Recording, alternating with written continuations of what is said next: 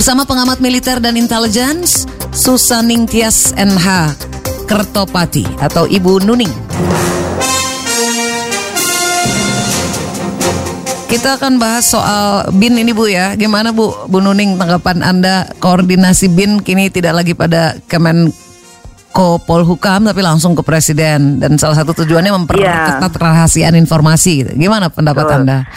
Saya tuh sebenarnya nih bukan soal masalah pertanyaan ini ya, tetapi saya tuh justru merasa agak janggal dan aneh. Kenapa ini harus disoal? Kenapa hmm. ini harus menjadi sebuah permasalahan? Hmm ini yang tak yang yang menyoal dan melihat ini sebagai suatu hal yang tidak tepat justru orang yang tidak mengerti intelijen, ah. tidak mengerti nomenklatur uh, Badan Intelijen Negara. Hmm. Kenapa? Karena begini. Halo? Iya. Iya, iya, Bu. Gimana, Bu? Karena begini, di dalam Undang-Undang uh, Nomor 17 Tahun 2011, kebetulan saya adalah Sekretaris Panja. Oke. Okay. Saat itu saya masih anggota Komisi 1 DPR, hmm. ya. Itu kan memang uh, BIN melapor dan bertanggung jawab kepada presiden. Hmm. Nah, tak kala itu ada di bawah uh, melapor kepada Menko Polhukam itu justru yang harus dipertanyakan. Hmm. Gitu. Kalau sekarang itu tidak perlu dipertanyakan karena memang sudah benar gitu loh. Oh. Sudah tepat okay. begitu. Oke, okay, oke. Okay. Iya. Justru malah Jadi, sekarang ini yang tepat. Hmm. Yang tepat. Selama ini iya. berarti kita nggak tepat ya selama ini ya. Iya, maksud saya bukan begitu. Masalahnya kan uh, ada apa tarik menarik ya bin itu di bawah siapa hmm. ya otomatis uh, kepala bin sendiri harus mengikuti aturan yang ditetapkan oleh uh, presiden dalam hal ini hmm. jadi kan selama ini di bawah uh, apa ikut rapat dalam Menko Polhukam dan lain sebagainya itu tidak menjadi masalah hmm. uh, kalau kalau misalnya e, memang hal itu harus dilakukan atas persetujuan presiden itu tidak menjadi masalah. Tetapi yang paling tepat adalah BIN uh, langsung melapor dan bertanggung jawab kepada presiden. Hmm. Ini kan kemarin kan Perpres nomor 73 tahun 2020 itu kan uh, menetapkan hal itu ya. Yeah. Sejak itu tuh saya banyak sekali mendapatkan pertanyaan. Hmm. Uh, harusnya mengerti bahwa BIN itu uh, bekerja untuk memasok data kepada single kliennya yaitu presiden. Hmm. Single klien loh. Yeah. Kalau kita bicara mengenai intelijen, intelijen tuh kerjanya gimana sih? Kan kita tuh mengumpulkan pool bucket, yaitu pengumpulan bahan keterangan. Hmm. Uh, itu melalui uh, information digging ya. Hmm. Lalu kemudian itu setelah dikumpulkan, itu diberikan kepada end user. Hmm. Nah, intelijen itu kan ada di berbagai macam uh, lembaga seperti kepolisian, kejaksaan, imigrasi gitu ya. Yeah. Nah. Uh, dalam hal ini semua dan di TNI dalam hal ini semua di bawah koordinasi BIN. Hmm. BIN uh, melaksanakan tugas koordinasi. Okay. Marilah kita melihat Undang-Undang Nomor 17 Tahun 2011 itu okay. jelas sekali kok. Uh, uh.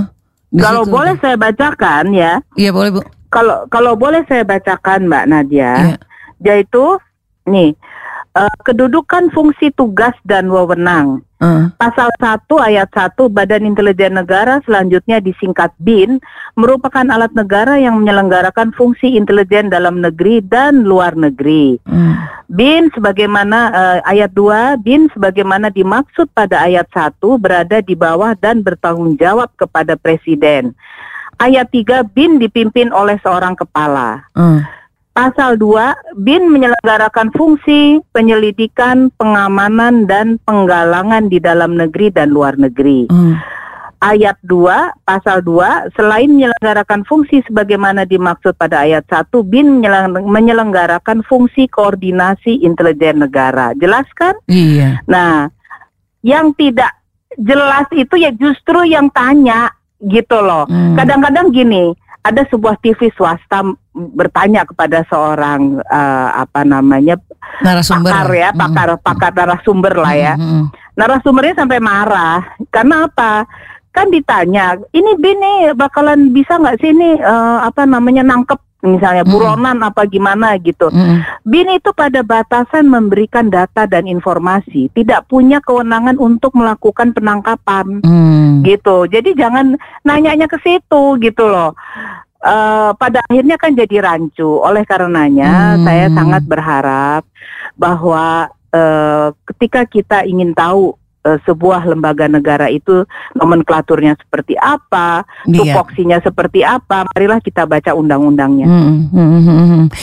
Jadi uh, memang ini sudah seharusnya ya kalau bin itu Betul. langsung ke presiden itu memang udah sekarang tuh udah benar banget gitu. Oh, sangat benar. Hmm. Karena juga menyederhanakan uh, apa uh, ini ya koordinasi juga menyederhanakan uh, macam-macam lah gitu untuk hmm. uh, jadi menyudahi ketumpang tindihan birokrasi juga gitu. Hmm, hmm, hmm. Karena ada juga yang menanyakan uh, apakah PIN di bawah presiden sekarang ini sebagai upaya mengefektifkan kerja uh, intelijen atau lebih ke keberpihakan kepala BIN kepada presiden kan segala ya keputusan. Dong. Ya enggak dong. Si kepala BIN itu uh, memberikan memasok data kepada uh, presiden Emang itu udah kewajiban sebagai end gitu user. Ya? Mm -mm, iya, mm -mm. mau ganti seribu presiden ya kepala bin ya harus setia mm. uh, memberikan uh, apa namanya uh, pasokan data kepada presiden mm. gitu loh. Mm. Jadi jangan dilihat uh, dari sisi-sisi uh, politis lah. Iya, Bangsa iya. kita ini apa-apa dipolitisir tau nggak? itu yang paling sebel tau nggak? Saya sebagai pengamat ya, saya contohkan hal itu. Karena apa? Akhirnya pembodohan publik Iya. Karena harusnya begini nomenklaturnya secara kita melihat secara universal pun yang namanya fungsi intelijen adalah memberi pasokan data, memberi masukan dan melakukan tugas-tugas seperti penggalangan dan lain sebagainya itu adalah untuk uh, membuat negara aman, tentram dan sejahtera. Iya. Itu di mana-mana. Jadi iya. jangan dilihat hanya Indonesia saja. Iya, iya. Makanya rajin membaca, baca undang-undang ya jadi nggak sebelum bicara gitu ya. Sebelum bicara dan sebelum berpendapat. Iya iya. Ini uh, kalau gimana dengan pendapatnya pakar hukum tata negara Refli Harun yang pasti notabene dia banyak baca juga. Dia kan menduga ada tiga faktor mengapa uh, Presiden Joko Widodo melepaskan BIN dari koordinasi Kemenko Polhukam dan berada langsung mm -hmm. di bawahnya.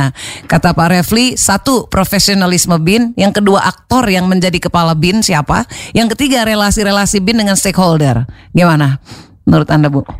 Loh, sah-sah saja beliau mengatakan demikian. Hmm. Pak Refli itu kan seorang intelektual. Itu kan uh, Pak Refli itu memberikan probabilitas. Jadi bukan menuduh loh kalau menurut hmm. saya. Iya iya iya iya iya iya iya iya iya. Ya. Oke. Okay. Tergantung siapa yang membaca Mema tulisan memaknai. Ya? Iya. Oke. Okay. Iya dong. Okay. Jadi hmm. kan itu sah-sah saja siapa pun kepala binnya Pak Refli hmm. bisa saja mengatakan demikian gitu. Jadi baik, baik, kalau baik. menurut saya itu bukan sebuah tuduhan ya. Hmm. Kalau menurut saya kan itu hmm. ada tiga pilihan beliau memberikan iya. menyampaikan hal itu. Yes. Nah anda itu sebagai pendengar misalnya uh, uh, uh. memilih yang mana hmm. gitu loh. Baik baik iya. baik. Oke berarti Bu Nuning apa harapan anda dengan uh, udah ada perpresnya lagi uh, uh, tentang bin ini langsung ke presiden. Harapan anda dengan kebijakan baru ini gimana? Dan kita juga yeah. ingin berharapkan agar benar-benar optimal tuh jadinya seperti apa? Gimana caranya? Oh ya kerja optimal kalau saya lihat ya sekarang kepala binnya Bapak Budi Gunawan ini bagus sekali ya. Lihat saja untuk urusan COVID-19 kan juga maju ke, maju sekali dalam hal ikut menangani uh, apa COVID-19 di mana ini adalah masalah bangsa. Hmm bahkan juga universal ya. Hmm. ya. Tetapi dalam hal ini tentunya dengan adanya uh, di bawah presiden dan memang seharusnya begini hmm. uh, di bawah presiden langsung untuk melaporkan. Uh, menurut pandangan saya ini BIN akan bekerja semakin optimal, semakin bagus dan uh, dapat memasukkan data uh, tanpa harus ada misalnya kebocoran yang mengundang yang mengundang hmm. praduga-praduga. Ini kan langsung ke end user hmm. gitu. Oke, okay, berarti uh, Indonesia uh, warga ini bisa berharap uh, banyak ya akan uh, fungsi BIN itu dengan langsung bertanggung jawab melapor kepada oh, presiden. Oh, tentunya. Baik, baiklah. Karena kan dalam hal ini ini memang sudah seharusnya begini gitu iya, loh. Iya, iya. Baiklah. Saya juga, saya juga maaf ya sebagai sebagai pengamat ya saya juga kok lucu gitu loh. Padahal saya rasa mungkin Pak Menko Polhukam juga nggak uh, ber, bercanda dalam hal ini, tetapi menjadi headline sebuah media yang mengatakan bahwa beliau legowo. Loh kok legowo? Emang ini udah seharusnya beliau kan ahli hukum, nggak mungkin lah berpikir pasti itu bercanda deh, nggak mungkin. Maka itu. mungkin beliau serius. Iya. Uh, tapi di ini makanya Radio Idola juga ingin bahas ini supaya mendapatkan uh, uh, apa penjelasan yang jelas dari sudut pandangnya Bu Nuning sebagai pengamat. Terima kasih banyak ya Bu Nuning. Ya terima kasih Mbak Nadia. Demikian Mitra Idola kita telah mendengarkan ya bagaimana penjelasan pandangan pemikiran pengamat militer dan intelijen Susaning Tias NH Kertopati uh, atas uh, perubahan koordinasi BIN yang kini langsung ke Presiden.